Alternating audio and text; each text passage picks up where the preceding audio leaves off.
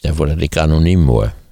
Dus bij mijn stem is het vrij lastig om anoniem te worden. maar online, natuurlijk. online kan het Ja, wel. we kunnen mijn stem misschien wel, wel vertekend door dat eh, gemanipuleerd opnemen. Laten we wel wezen, nadat je enige afstand hebt genomen, kun je rustig zeggen dat de kleine West-Europese landen eh, gezamenlijk een paradijs op aarde zijn. Dat daar ook van alles en nog wat mis is, dat is zonder meer een feit. Maar eh, in de rest van de wereld is nog veel meer mis. Het verlossen, kunt u mij horen? We vergelijken in deze aflevering een dictatuur met een coalitieland. En we kijken ook naar de congressen van de ChristenUnie en de VVD die afgelopen weekend plaatsvonden. En we hebben ook het treinennieuws eh, vandaag. Ik weet niet of je het gezien hebt dat er volgend jaar maandenlang geen Eurostar van Amsterdam Ik heb naar het Londen gezien. Er wordt verbouwd namelijk op het Ja, station. ik zou zeggen, laten de mensen nog eens terugluisteren. De verstandige dingen die ik heb gezegd over het internationale spoorverkeer. Precies. Het is weer een bewijs te meer van de totale incompetentie van spoorwegbedrijven in Europa. Want ook in, Rotterdam was ook geen ruimte voor de douane, begreep ik. Dus je moet voortaan met de Eurostar, moest je, moest je geloof ik in Brussel beginnen of zo. Ja, het komt door grootschalige werkzaamheden aan station Amsterdam Centraal. Dat heeft eh, de staatssecretaris laten weten. En de Eurostar, zoals de trein heet, zal daardoor tot uiterlijk mei 2025 vanaf volgend jaar niet kunnen vertrekken vanuit Amsterdam. Ja, en ook niet aan het Rotterdam, want dat heeft al gemeld dat daar geen ruimte is voor de douane. Precies, de douanepost. Dus de Ja. paspoort en ook de bagagecontrole. Misschien kunnen ze bij Lage Zwaluw een speciale stop inlassen of zo. En dat is natuurlijk nodig vanwege dat eh eh, Schengen-douanezone. Hebben ze natuurlijk die post nodig om dat te Ja, controleren. dat is het probleem met Engeland. Dat het, natuurlijk- Engeland is, ligt nu buiten de EU. En dat betekent dat je dus de hele douane poppenkast, die, die moet je opvoeren. Maar dat, dat ook de, de werkzaamheden aan Amsterdam zodanig zijn georganiseerd.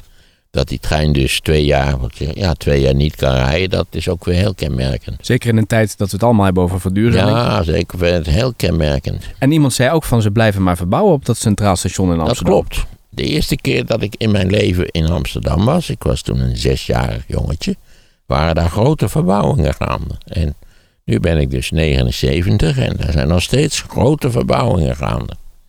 Dat is eigenlijk omdat het hele station steeds net precies een fase achterloopt op de intensivering van het spoorverkeer. Dus als het klaar is, dan moeten ze Ja, alweer de opnieuw perrons zijn beginnen. veel te smal, zoals je weet. Ben je nooit, heb je nooit gehad dat je in Amsterdam aankomt met de Intercity...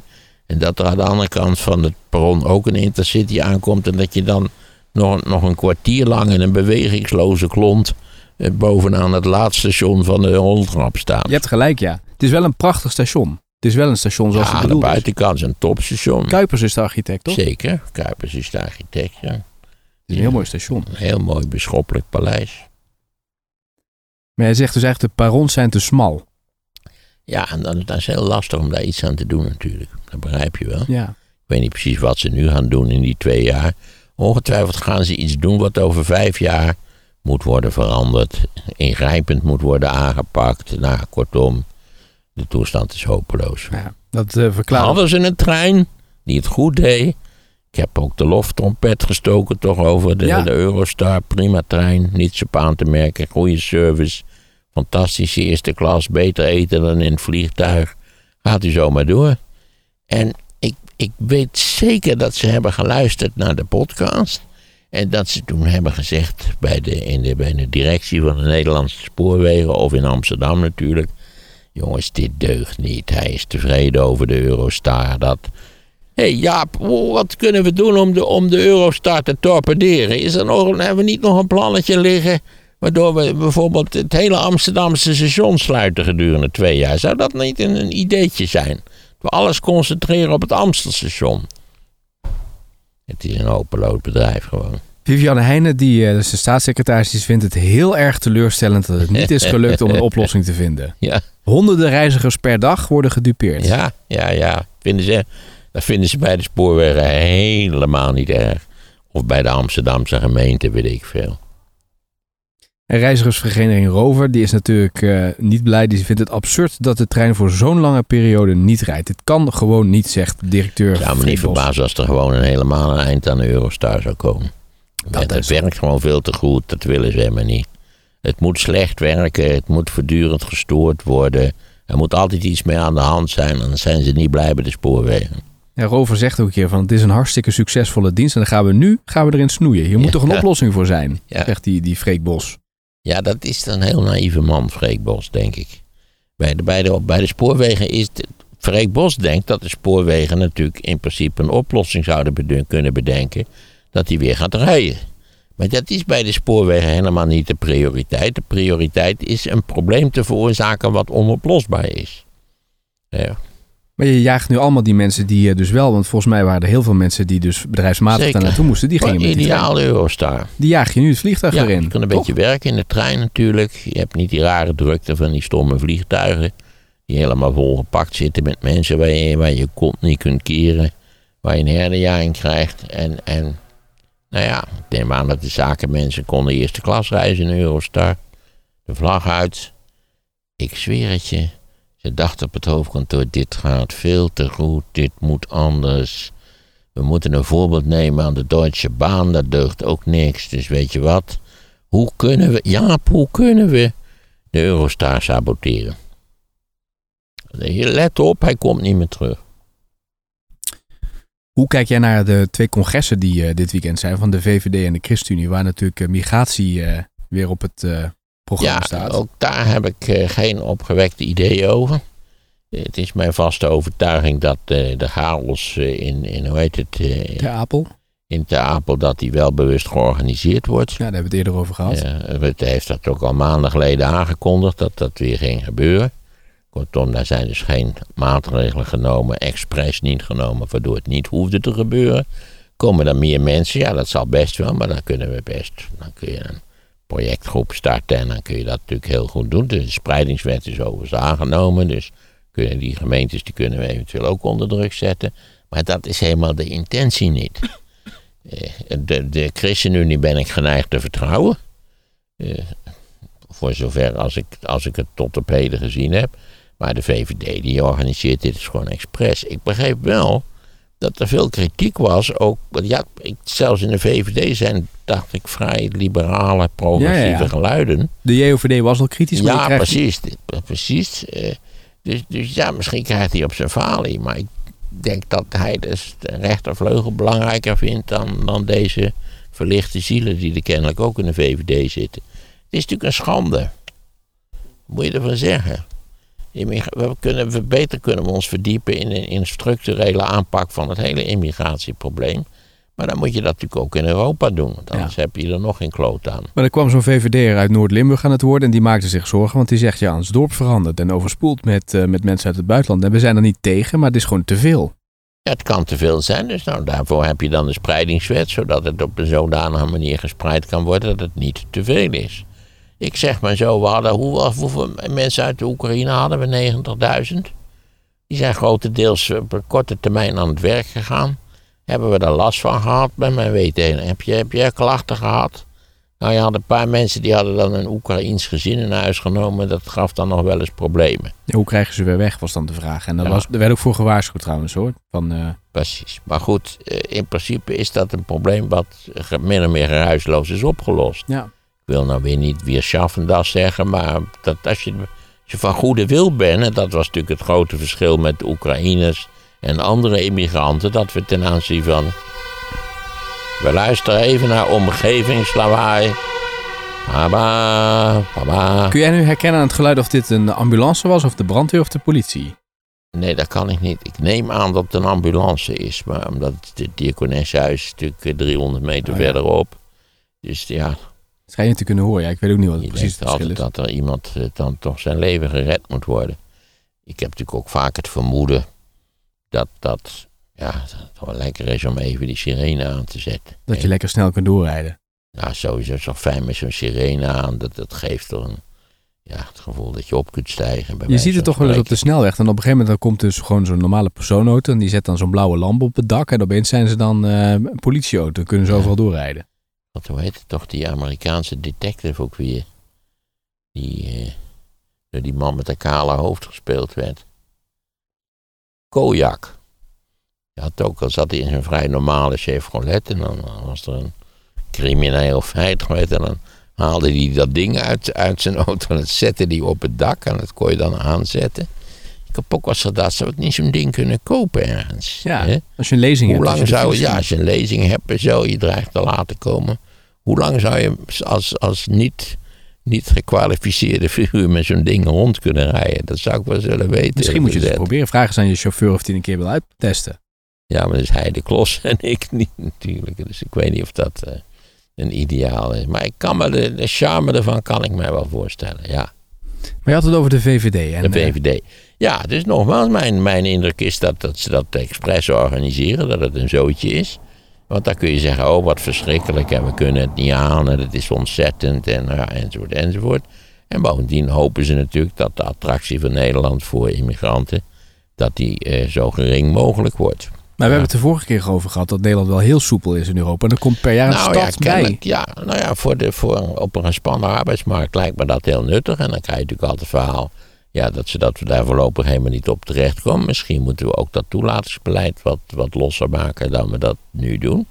Eh, sowieso zal Europa op de langere termijn, sterker nog, sowieso zal eh, het Westen in de breedste zin van het woord op langere termijn rekening moeten houden met het feit dat je enorme tekorten krijgt op de arbeidsmarkt. En dat heeft te maken met het feit dat de geboortecijfers natuurlijk eigenlijk structureel onder de vervangingswaarde zitten. En dan heb jij het nu steeds over de arbeidsmarkt. Er zijn ook mensen die hebben het over de woningmarkt. En die zeggen, ja, die mensen moeten ook ergens Ja, wonen. dat we in Nederland nou toevallig de woningmarkt zo ongelooflijk slecht georganiseerd hebben. Dat we sinds 1945 een tekort aan woningen hebben. Zij dat het steeds van aard verandert. En dat het ook iets te maken heeft met de verdunning. Nee, dat, in 1945 woonden er vier mensen in huis en nu vaak maar één. Nou ja, dat scheelt natuurlijk in, in de ruimte die je, die je in principe nodig hebt. Maar we hebben het zo georganiseerd. Niet waar dat het, dat het een permanent probleem is. Zodanig dat je ook als, als licht paranoïde burger begint te denken. Is dit ook niet zo georganiseerd? Zijn er ook niet aanzienlijke groepen in de Nederlandse samenleving die er alle belang bij hebben? Niet waar dat er eigenlijk net iets te weinig huizen in Nederland zijn. Met als gevolg dat de prijzen natuurlijk fancy oplopen. Wat dacht je van. Je zult hier in deze straat maar een huis hebben gekocht 40 of 50 jaar geleden. Nou ja, dat is. eh, we hebben geen, we hebben geen eh, belasting op, eh, op, op dingen die duurder zijn geworden. Die je ooit gekocht hebt. Dus ja, in Amerika bijvoorbeeld wel. Wij hebben dat niet, dus dat is allemaal puur, geld- puur geld verdiend in feite. Eh, Dus ja, we zouden dat dan ook, zou, ook dat zouden we anders moeten organiseren. Maar daar hebben we nooit enige overtuigende greep op gekregen op die markt. Daar komt het eigenlijk op neer. Maar er zijn mensen die zeggen... dit- simpelweg een tekort in de Nederlandse samenleving. Ja, maar je vindt het niet asociaal dat eh, de regering dus zegt tegen al die mensen kom hier maar naartoe. En ondertussen zijn er Nederlanders die dus niet aan een huis komen. Nou, dat is niet in orde natuurlijk. Dus ik zou zeggen, neem passende maatregelen. Ja, iedereen doet alsof dat niet kan. Maar zo ingewikkeld is het nou ook weer niet. Dan zul je bijvoorbeeld een aantal terreinen zul je de regelgeving even iets minder strak moeten toepassen. Dat kan allemaal heel goed. Het is onwil. Het is voornamelijk onwil. Nogmaals, kijk naar de Oekraïners. Daar kon het ineens wel. Niet waar? Daar was de onwil afwezig. Maar op het, op het normale terrein is sprake van onwil. Europa zal ook voor de toekomst rekening moeten houden met de immigratie. En je kunt er beter rekening mee houden, want dan kun je er beleid op toepassen. Maar nu is er geen beleid behalve dat je dus zo doet. Dat, dat is niet verstandig. Nou, we hebben natuurlijk Dat. Ru- Rutte het maanden van tevoren aankondigt dat het een zootje wordt, dat is natuurlijk wel een hele vreemde zaak. Ja. En hij heeft eerder gezegd bij dat VVD-congres... ik ga ervoor zorgen, beste Ja, VVD'ers, dat het naar beneden heeft- gaat. Hij heeft van alles gezegd in de loop der jaren. Hè. Geen cent extra naar Griekenland en zo kunnen we nog wel wat voorbeelden geven. Maar die VVD'ers, die, op een gegeven moment is toch de maat vol. Dan, dan je wil je toch niet iedere keer het bos in laten sturen met een zoethoudertje. Zo van, nee, we gaan er wat aan doen en we doen en niks. wat gaat de VVD doen als de maat vol is? Nou ja, kritische vragen stellen. Ja, oh, oh, dan blijft Rutte rustig zitten. Veel kritischer dan we het, eh, wanneer was het, eh, vorig jaar hebben gedaan, eh, is het niet mogelijk in principe. Of hier vorig jaar weer. En dat is niet mogelijk. Is dat zo? Kunnen zij niet het vertrouwen opzeggen in hun leider? Nou, dat kunnen ze best. Maar dat gaan ze niet doen natuurlijk. Want dan heb je wel een nieuwe leider nodig die onmiddellijk aansprekend eh, aanwezig is. En ja, bovendien zit er nog een kabinet waarvan hij de minister-president is. Dus nee, nee, heeft het heel handig zo georganiseerd dat, dat allerlei mensen kritische geluiden maken. En geleerde en humane gezichten trekken voor de pers, maar dat er verder geen kloot gebeurt natuurlijk. Dat begrijp je toch wel. Dat is zijn, ja, dat is, dat is zijn meesterlijke talent natuurlijk. Ja, er gebeurt niet veel. Her en der, niet waar, zijn zichtbare wonden waar een beetje bloed uitkomt. Ja, daar wordt een pleister op geplakt, die heet excuses. En ah, zo'n pleister met zo'n pleistertje kan je daar maar weer even tegen natuurlijk. Beetje een geschikte opvolger voor Rutte? Nee, Nee, niet niemand, niemand Klaas weet. Dijkhoff hebben we natuurlijk genoemd, maar die is nu die is weg. Je hebt al uitgelegd dat Klaas Dijkhoff veel te geleerd was om in de VVD ho ho hoog Maar over misschien te wil hij terugkomen. Hè? Als hij weet van oké, ik kan nu de opvolger worden, dat hij Zou je zegt, denken? nou ik weet het niet. Hij die ambitie heeft. Dat hij denkt, ga even wat anders doen. Ik kom wel weer terug als hij op uh, sodemieter is. Zou kunnen. Maar nogmaals, het, is, het immigratiebeleid dat is natuurlijk een treurige toestand. Ik denk niet dat dat eh, structureel zo aan de dijk zal zetten. Dat kan ik me haast Oké. niet. Kan, kan ik haast niet Maar dan, dan voel je als VVD toch echt een lulletje rozenwater. Dat je dus, eh, je wordt het bos ingestuurd met een, met een zoeterhoudertje en er wordt niets mee gedaan. Is dat niet al, al enige tijd het probleem van de VVD? En dat heeft een heel eenvoudige oorzaak. Dat de VVD, eh, wat jij zegt is volkomen juist. Maar de VVD is de grootste politieke partij van Nederland. Althans qua aanwezigheid in de vertegenwoordigende lichamen. Eh, de VVD levert eh, sinds 2010 een minister-president. Dus ja, dan ben je, ben je graag bereid een beetje lulletje rozenwater te zijn. Totdat je duidelijk wordt dat, dat er ook deze ijzersterke positie in het systeem op het spel staat. En, en dat, daar is op dit moment althans nog geen sprake van. Ze moeten natuurlijk wel oppassen Kijk, dat ze geen nieuw die CDA worden. BB-beweging die heeft natuurlijk beter gescoord. Hè? Wat, wat is het? Ik weet niet. De BB-beweging is nu de grootste fractie in de Eerste Kamer natuurlijk. Maar dat zijn toch provinciale statenverkiezingen. Zijn tussentijdse verkiezingen. We moeten nog eens afwachten wat dat bij parlementaire verkiezingen Ja, gaat, gaat opleveren. En of de VVD dan eh, heel kwetsbaar blijkt te zijn, ja of nee. maar niet. ze moeten wel oppassen dat ze niet een nieuw CDA worden. Zo van jullie beloven heel veel dingen, je doet Ja. niks. De kiezer gaat op een gegeven moment afrekenen. Zeker, zeker is dat. Denk aan eh, niet alleen, want ja, je geeft nou het voorbeeld van het CDA, maar het lot van de PvdA is natuurlijk even treurig in feite. Ja, die zit ook met een paar zetels in de Eerste Kamer, of in de Tweede Kamer. Ja, maar die reageren al een hele tijd niet meer mee. Nee, en dat ziet er ook niet naar uit dat ze dat op korte termijn Nee. op substantiële wijze zullen gaan doen. En aan wie hebben ze dat te danken? Aan zichzelf. Aan zichzelf. Ook de verantwoordelijken hebben nooit verantwoording daarover afgelegd, maar ze hebben het aan zichzelf te danken. En het is triest om nu die ruzie weer te zien hè, tussen GroenLinks en PvdA. ja, dat is ook lokaal diep, niveau. diep treurig. Ja, maar goed, we hebben het al zo vaak gehad over al die linkse splinters, niet waar? Ja. Ze hebben allemaal het grootste gelijk van de wereld. Maar ja, je kunt het grootste gelijk van de wereld Ik koop er hebben, niks voor. maar je koopt er niks voor. Dat is een beetje het soort van gelijk wat ik ook altijd heb. Hè. Ik heb het grootste gelijk van de wereld achter in een Audi A2. Die is toch een A2? of A3. een- A3, sorry. Nee, geen probleem. Elke keer weer. De A2 die moest ik een keer opzoeken, maar dat is, die heeft ook een, eh, die vond jij mooi hè, die A2. A2 is een fantastische auto. Die zie je bijna nooit meer rondrijden. Nee, nee, nee. Het was een geniaal ontwerp. Hij was extreem zuinig. Er was enorm ruim. Het was een beetje een Ja. raar doosje, maar was enorm ruim. Hij lijkt een beetje op die Volkswagen ja, eh, hij die zat ook heel handig in elkaar. Ik heb, ik heb nu de constructiedetails niet paraat. Eh, maar ja, de consument, waarom niet, hè? Het oogde niet blits. Ik kan je dit zeggen, de autokopers, dat zijn echt de meest conservatieve mensen die ooit op deze planeet hebben bestaan. De meest fantastische auto's die ze konden kopen, die hebben, die hebben ze om zeep, om zeep geholpen dus ze niet te kopen. Denk aan een Fiat Multipla, althans de eerste model. Die is hem later weer bijgetrokken. En ook de Audi A2. Geweldig autootje. Echt super. Prachtige constructie, zuinig. Het, het voldeed aan alle eisen, maar eh, ja, consumenten waren niet geïnteresseerd. En nog even een vraag over die politiek. Wanneer denk je dat het CDA nou eindelijk eens eh, gaat heronderhandelen? Want dat is toen Heronder- aangekondigd. Voorlopig niet. Waarom zouden ze risico's nemen? Volgens mij is wel gezegd toen voor het zomerreces eh, komen ze erop terug. Nou, ik zie het zo 1, 2, 3 niet gebeuren. Dat, dat is natuurlijk, wat voor voordeel hebben ze erbij als ze nu een, een eh, eh, laten we zeggen, het, het kabinet laten klappen eh, en, en dat er nieuwe verkiezingen komen?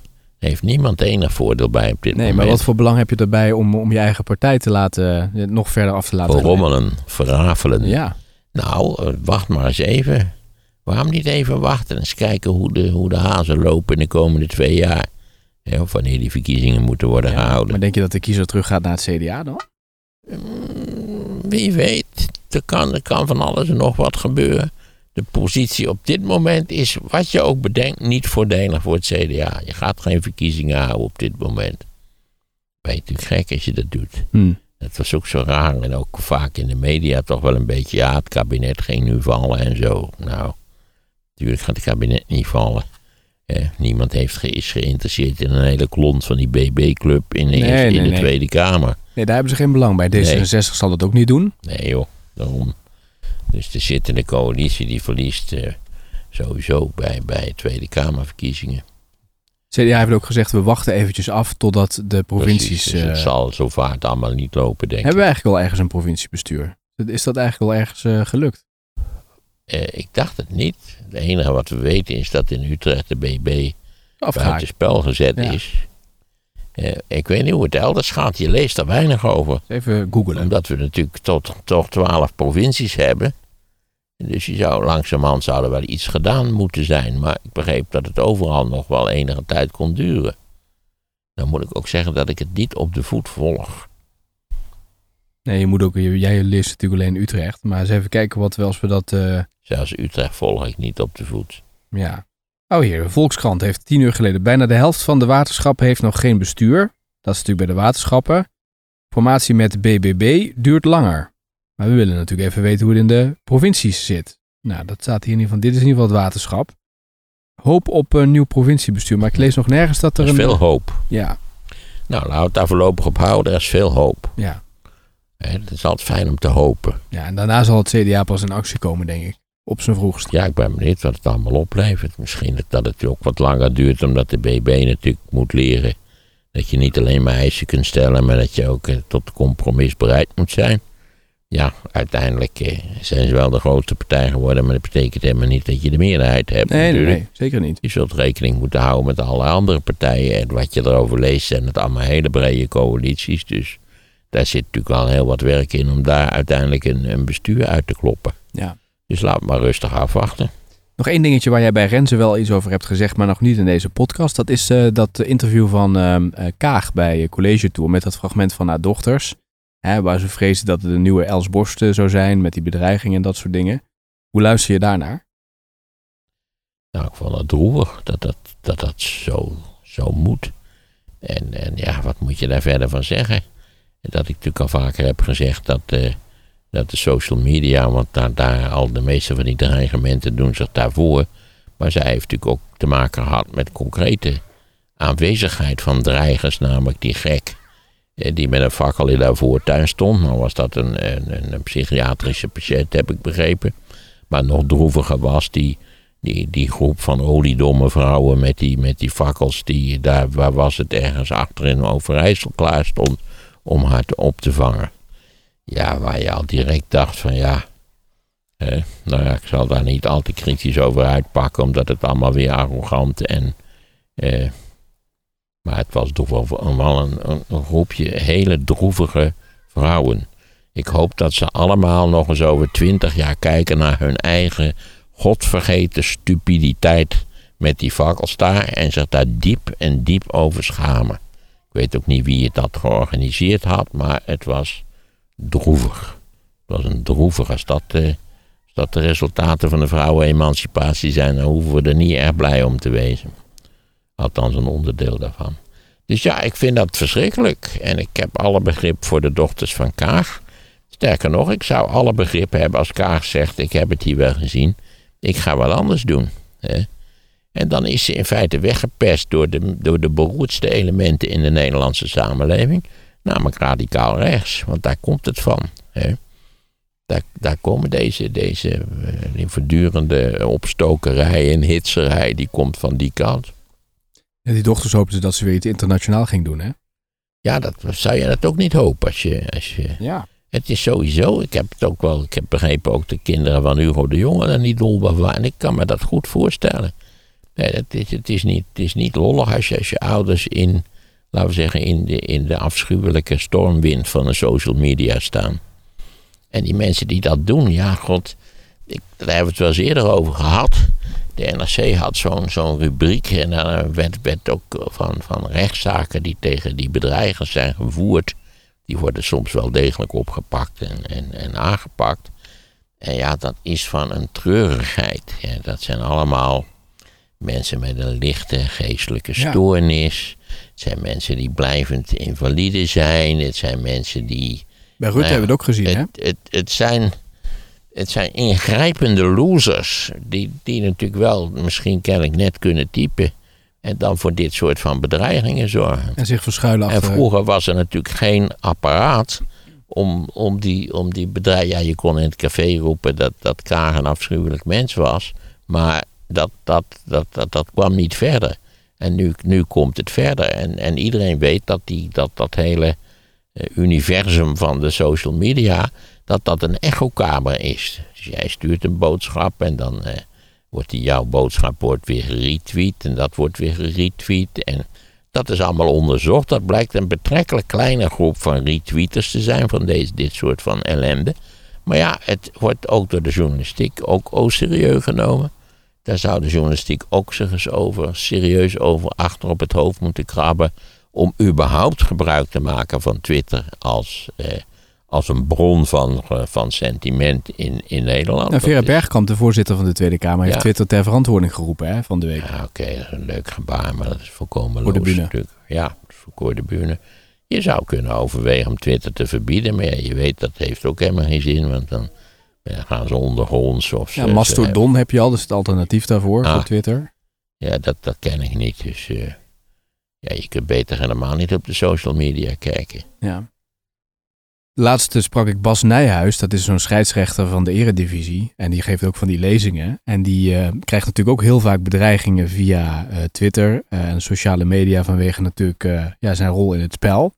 En laatst zei hij van, heb ik eens een keer ook een heel lelijk bericht. En toen heb ik gewoon eens even opgezocht, wat is dat nou voor iemand? En toen had hij dus gewoon het, eh, nou, het werkadres van die man gevonden. Toen had hij een berichtje teruggestuurd, zo. Ik heb nu een berichtje klaarstaan. Ik ga zo meteen jouw baas eh, op de hoogte stellen van eh, wie jij bent en wat je naar mij hebt gestuurd. En toen heeft hij even gewacht en toen kreeg hij dus een reactie terug van die man. En die zei, oh sorry, ik had het zo niet bedoeld. Ja. en, en toen had Dat die man ook. Dat toen zei Bas ook van, ik ga het niet sturen, maar denk even na over wat je stuurt en wat dat met mensen kan ja, doen. Dat is, dat is vaak wat je, wat je leest hierover. Dat ze dan vreselijke spijt hebben en niet begrijpen wat ze gedaan hebben. Ja, dat maakt nog eens duidelijk dat het, het, het zijn geestelijk geen hoogvliegers die dit soort van, van dingen doen. Nee. Is mijn indruk in ieder geval.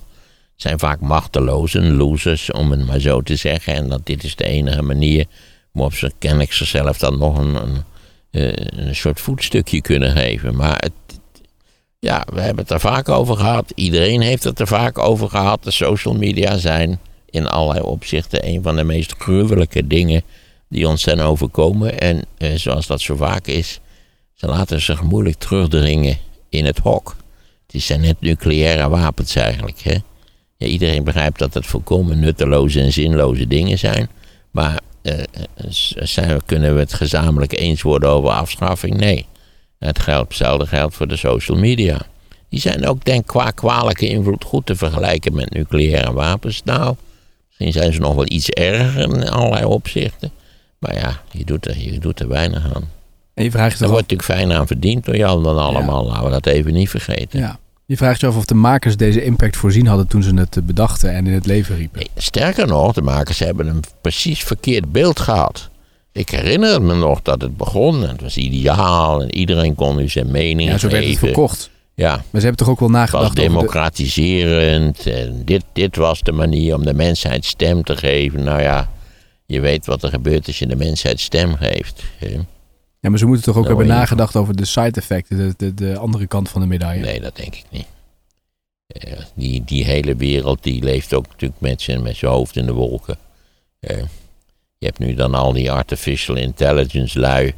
Lees je zo'n berichtje over die man die daar een belangrijke rol in heeft gespeeld. Blijkt het zo'n prepper te zijn. Dat je ook denkt, ook niet goed snik. Hè?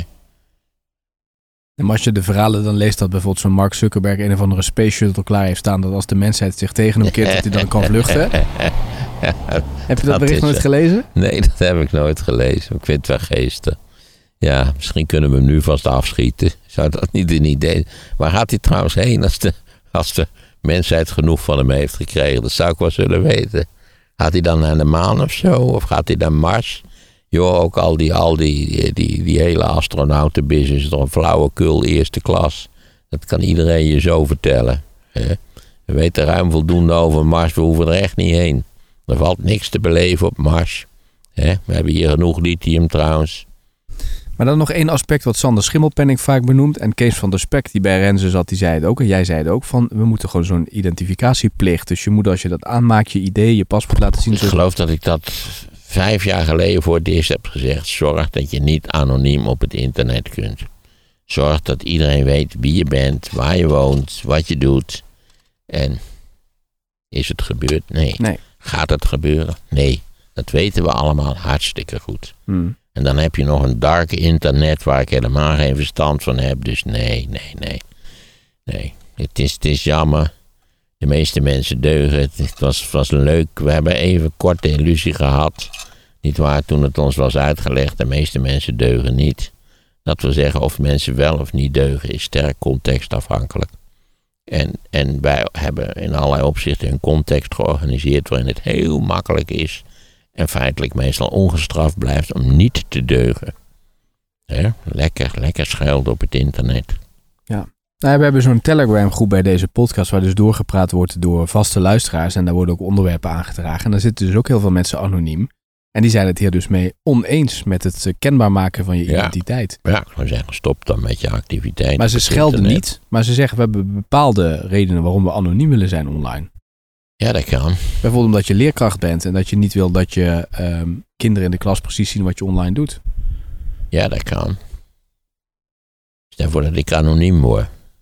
Dus bij mijn stem is het vrij lastig om anoniem te worden. maar online, natuurlijk. online kan het Ja, wel. we kunnen mijn stem misschien wel, wel vertekend hoe dat eh, gemanipuleerd opnemen.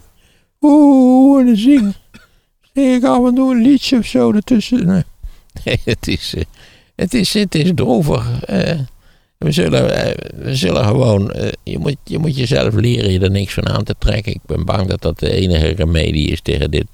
En, en troost je met de gedachte dat veel van die schelders echt treurige losers zijn. Ja. Je ziet ze zitten. Het is, het is van, een, van een onbeschrijfelijke ellende. Alleen je weet het natuurlijk niet. Je ziet die letters binnenkomen en het bericht. En dat is natuurlijk wat de impact maakt. Je ziet niet wie erachter zit. Nee, dat is waar.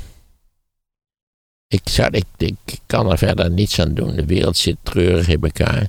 We vinden steeds weer nieuwe mogelijkheden om de wereld zo treurig mogelijk te maken. Ik heb vaak uitgelegd dat je een heel gelukkig en tevreden mens kunt worden door, dat je, door bijvoorbeeld helemaal niet meer naar de televisie te kijken. Eh, of, of laten we zeggen, bekend die 24-7 nieuwscyclus te volgen. Dat deden we vroeger ook niet. Wel een heel rustig leventje. Ja, ik- terugdenkend aan de jaren 50. Ja, we hadden thuis geen tv. We luisterden nooit naar de radio. Een grammofoon hadden we ook nog niet. Die kregen we pas wel ook in 8 of 59 of zo. Telefoon idem dito, die hadden we ook niet. Die, die moest je jaren op wachten. Je kon hem wel aanvragen, maar je kreeg hem niet. Eh, moet je denken wat een leven. Nou, familie van Rossum in de jaren 50. Helemaal op En kwam een krant. Nieuw Utrechts Dagblad was het. Er stond een ketelbinkie in. Daar was ik wel, daar was ik wel opgesteld op ketelbinkie. Dus ja, het was een. een- Ik heb ik niet al eens eerder gezet. Dat viel me altijd op bij mijn opa's. Mijn opa's waren heel succesvolle, hardwerkende mannen. Eh, en ik heb nooit de indruk gekregen dat ze het druk hadden. Ze hadden het niet druk. Ze waren ook nooit gehaast. Ik moet, sorry, maar ik moet nu echt weg. Het is. Nee, dat had je nooit bij mijn opa's. Er zat altijd iets, iets bedachtzaams in. Ook mijn ene opa bewoog ook traag en sprak ook traag. Ik, ik, volgens veel mensen praat ik langzaam. Nou, had ze mijn opa moeten horen. Hè? Die sprak echt bijzonder traag. Waarom, Maarten, zou ik ook sneller spreken? Wat heeft dat precies voor voordelen? Kun je mij dat uitleggen? Hè? Dus ja, wij maken ons wel erg druk voortdurend. Druk, druk, druk. Dat is een. Dus ja, ik ben afgedwaald. Maar goed, eh, ik zei. Misschien kun je ook je voordeel ermee doen dat je gewoon niet kijkt naar al die. Waarom zou je kijken naar die sociale media?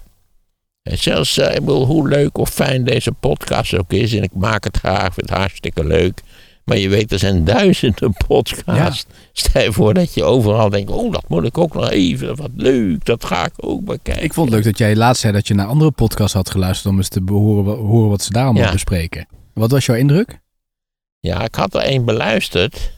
Dat was die, die van die dames. Ten eerste beginnen alle podcasts met eindeloze muziekjes. Ik zou ook willen adviseren, stop daarmee. Want dat is voor zo'n eenvoudige luisteraar. Ik denk al, oh god allemachtig, van een klote muziek. Waar is dat nou goed voor? hè? Maar het is wel heel kort Weet je, vaak. van die muziek als je opbelt en je wordt niet direct te woord gestaan, hebben ze ook. Dat, eh, je denkt, waar halen ze die muziek in godsnaam vandaan? We hebben ook een heel vrolijk deuntje aan Ja. het begin. Ja, houd het zo kort mogelijk, zou ik zeggen. Eh, ja, hoe lang eh, laten we dat horen? Ja, een paar seconden. Hoor je met Van Rossum, kun je maar horen. Oh, nou, dat vind ik, dat, dat kan. Hè? Ik hoop dat ze me kunnen horen, dat dan weer wel. Eh, Maar beperk het tot... En toen heb ik naar dat... eh, een tijdje geluisterd naar die twee dames. Maar eh, vond ik allemaal van een irrelevante kinderachtigheid. Dat ik dacht, dat hoeft voor mij niet zo Waar ging het allemaal. over dan? Ja, ik- ja, damesdingetjes geloof ik. Ja, je weet dit. Ja, dat- er is, ja, is er een groot verschil tussen vrouwen en mannen? Ik weet het niet precies. Ik, volgens mij wel, wel meer verschil dan vaak tegenwoordig gesuggereerd wordt. Maar misschien is, dat toch ook, is ook dat verschil nog cultureel bepaald en zal dat tenslotte verdwijnen. Maar Maar jij zei, wij zijn Einstein voor in vergelijking met die andere podcasts. ja, heb ik dat Ja, gezegd? heb je gezegd. Ja, niet op band, maar buiten de uitzending. Oké. Nou ja, nu je me toch citeert. eh, het, het, ja, ik was er niet. Maar ik heb helemaal niet lang geluisterd. Maar ik was niet van onder de indruk. Ik dacht afgehaakt. niet van, jongen, jongen. Wat doen ze dit goed? En wat, wat, wat een relevante opmerkingen worden er gemaakt. En wat een interessante onderwerpen. Nee, dat dacht ik helemaal niet. We krijgen trouwens wel vaak tips eh, van mensen die we zeggen... dit is een leuke podcast van Maarten, omdat hij ook over geschiedenis gaat. Dus misschien heb je de verkeerde gevonden. Ja, maar ik, had dat, ik had wel bij een van die top 10 eh, podcasts Oh, ja, eh, ja. gekeken. En nou goed, ik was, eh, ik was niet zo onder de indruk. Ja, ik denk ook bij mezelf, god, is dat nou zin? Denk je nou dat ik daar iets te horen krijg wat ik eigenlijk al niet zelf ook heb gezegd, gedacht, gelezen of wat dan ook? Dan, dan denk ik, ja, misschien is dat hooghartigheid mijnerzijds. En nog even één dingetje over de politiek. Heb je ook de situatie in de Duitse politiek gevolgd? Want daar liggen ze ook een beetje overhoop, hè? In die eh, regering. Ja, maar dat heb ik niet goed gevolgd. Ik begreep wel dat er spanningen waren tussen de FDP en de Groenen. En ik zou zeggen, het, ziet er daar, het, is- niet erg Duits om dat te laten aankomen op een grote crisis en nieuwe tussentijdse verkiezingen of zo. Dat geloof ik niet erg. En bovendien, die Scholz is wel een hele voorzichtige, rustige. Ja, ik geloof dat hij niet zo klein is als ik denk dat hij is. Maar in mijn, mijn verbeelding is die Maar ik kreeg nu toch wel wat kritiek. Dat hij daar toch eh, iets, eh, nou ja, te rustig ook in zat. Dat hij toch wel iets meer eh, assertiviteit kon tonen. Ah, ik zou echt zijn voor rust. Assertiviteit, dat, assertiviteit levert zelden veel op. Maar ook daar was weer de, de, de verschillendheid van alle coalitiepartners was toch wel weer het probleem. Ja, als je coalitiekabinetten hebt, dan heb je verschillen tussen de coalitiepartners. En Ja. het idee is natuurlijk toch dat ze, in ieder geval voor zover het het kabinetsbeleid betreft, eh, geen ruzie met elkaar maken in het openbaar. Ja. Dat is not done. Eh, zou, als, je dat, als je dat ook allemaal toelaat, ja, dan, eh, dan staat die eh, coalitie altijd wankel. Laten we eerlijk eh, eer- primair zeggen hoe belangrijk het is, en dat geldt voor Duitsland zo goed als voor Nederland, dat we coalitieregeringen hebben. Want coalitieregeringen zijn regeringen waar nagedacht is over het beleid en men heeft compromissen moeten sluiten over dat beleid. Die zijn misschien niet ideaal, maar mag ik er nog eens op wijzen dat het gewoon nuttig is dat wij min of meer competent bestuurd worden. Dat is niet altijd het geval, maar die coalitiekabinetten die verdienen onze aandacht en in zekere zin ook onze bewondering, want zij nemen verantwoordelijkheid. Niets is zo makkelijk dan aan de zijlijn te roepen dat alles fout gaat en dat het land naar de kloten gaat en dat we tot onze nek in de modder staan. Dat is allemaal kletskoek natuurlijk. Eh, laten we wel wezen, nadat je enige afstand hebt genomen, kun je rustig zeggen dat de kleine West-Europese landen eh, gezamenlijk een paradijs op aarde zijn. Dat daar ook van alles en nog wat mis is, dat is zonder meer een feit. Maar eh, in de rest van de wereld is nog veel meer mis. En dat is deels het gevolg van coalitiepolitiek. En van, van, het, van de aard van de parlementaire democratie. Moeten we trots zijn op, op moet, eh, onze meneer die herkozen is in Turkije. hè? Ja. Met Erdogan. 52% van de stemmen. Dat betekent 48% van de stemmen niets van die man moet hebben. Weet Wat wat heb je aan zo'n systeem? hè? In feite kan, kan Erdogan eh, de helft van de bevolking, dat kun je toch rustig stellen, gewoon negeren. Wat hij ook gaat doen. Hij gaat ze gewoon negeren. Dus het is een ramp voor het land. Dat is het mooie van coalitiekabinetten, dat ze in ieder geval niet eh, een groot deel van het land kunnen negeren. Dus ja, ik zou zeggen, laten we diegenen die verantwoordelijkheid dragen en bereid zijn om dat te doen, laten we die primair prijzen. Dat ze bereid zijn om dat te doen. Kijk, tetteren aan, de, tetteren aan, de, aan, het buitenspoor, dat kan altijd. Iedereen kan dat. Hè? Ja, Geert, dat kun je je aantrekken, joh. Hè? Lekker tetteren. En wat heeft het opgeleverd? Geen reet, in feite. Maar goed, eh, en, en daarna kun je het beleid van het kabinet kun je op, op beleefde wijze en op verantwoorde wijze kun je dat bekritiseren. Je kunt nu eh, bepalen waar wij het in eh, de volgende aflevering eh, over moeten hebben. Twee opties hebben we. Eén, Ron DeSantis. En hoeveel kans maakt de beste man om de Republikeinse presidentskandidaat te worden? Dat is optie 1. Of ga je voor optie 2 en dat is het Watergate-schandaal en de geschiedenis daarvan. Eén van beide onderwerpen bespreken wij in de volgende aflevering. Eh, jij bepaalt nu welk onderwerp dat is. Ga naar Spotify, kijk eventjes onder de aflevering naar de poll en breng je stem uit. En de uitkomst die hoor je dan dinsdag, want dan verschijnt een nieuwe aflevering. Waarom, Maarten, zou ik ook sneller spreken? Wat heeft dat precies voor voordelen? Kun je mij dat uitleggen? Het Russische geweld door de jaren heen. En hoe het toegenomen is na de val van de Sovjet-Unie. Daarover vertelt Maarten van Rossum in een gloednieuw luisterboek. Twee uur lang College van Maarten. Download het luisterboek via de link in de show notes.